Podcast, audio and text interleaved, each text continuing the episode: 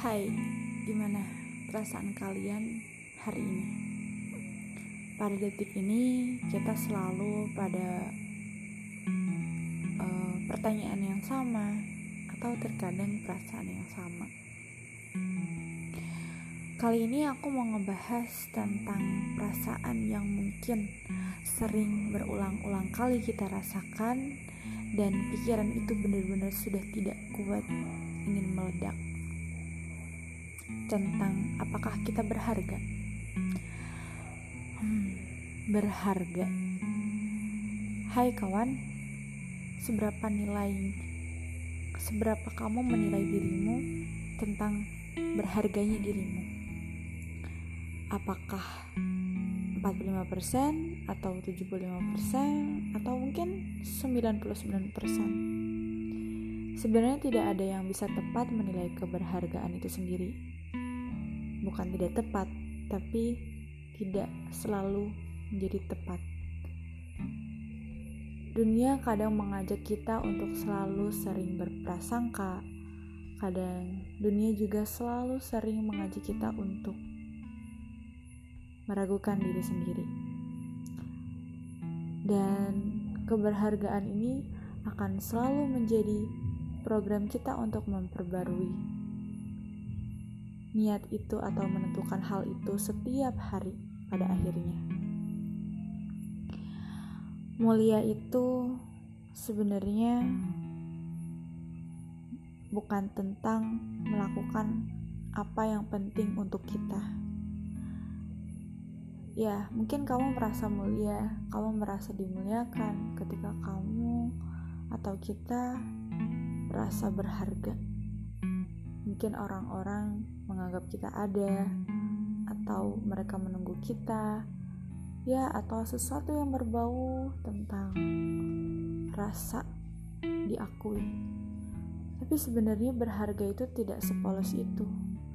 Berharga itu sebenarnya tidak sesimpel itu. Berharga itu sangat-sangat kompleks dia itu seharusnya menaruh kamu dalam tempat yang keteraturan menyelamatkanmu. Ya, maksudnya maksudnya ialah berharga itu sangat mulia. Dia itu ada di tempat yang paling istimewa, di mana keberhargaan itulah yang menyelamatkanmu. Nilai-nilai filosofis itulah yang sebelumnya kau taruh dan akhirnya ikut merunding menyelamatkanmu juga.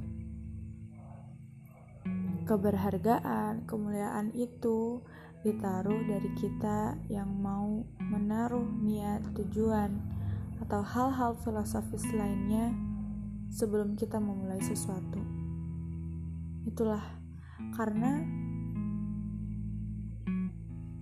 sering jikapun kita sering dibolak-balikan ataupun dibelokkan oleh dunia sebenarnya niat tujuan mulia kita itulah yang akan menyelamatkan itu yang saya maksud dari keteraturan yang menyelamatkan maka jangan bosan jika kita harus terus memperbarui niat karena sebenarnya ketenangan itulah yang muncul dari niat.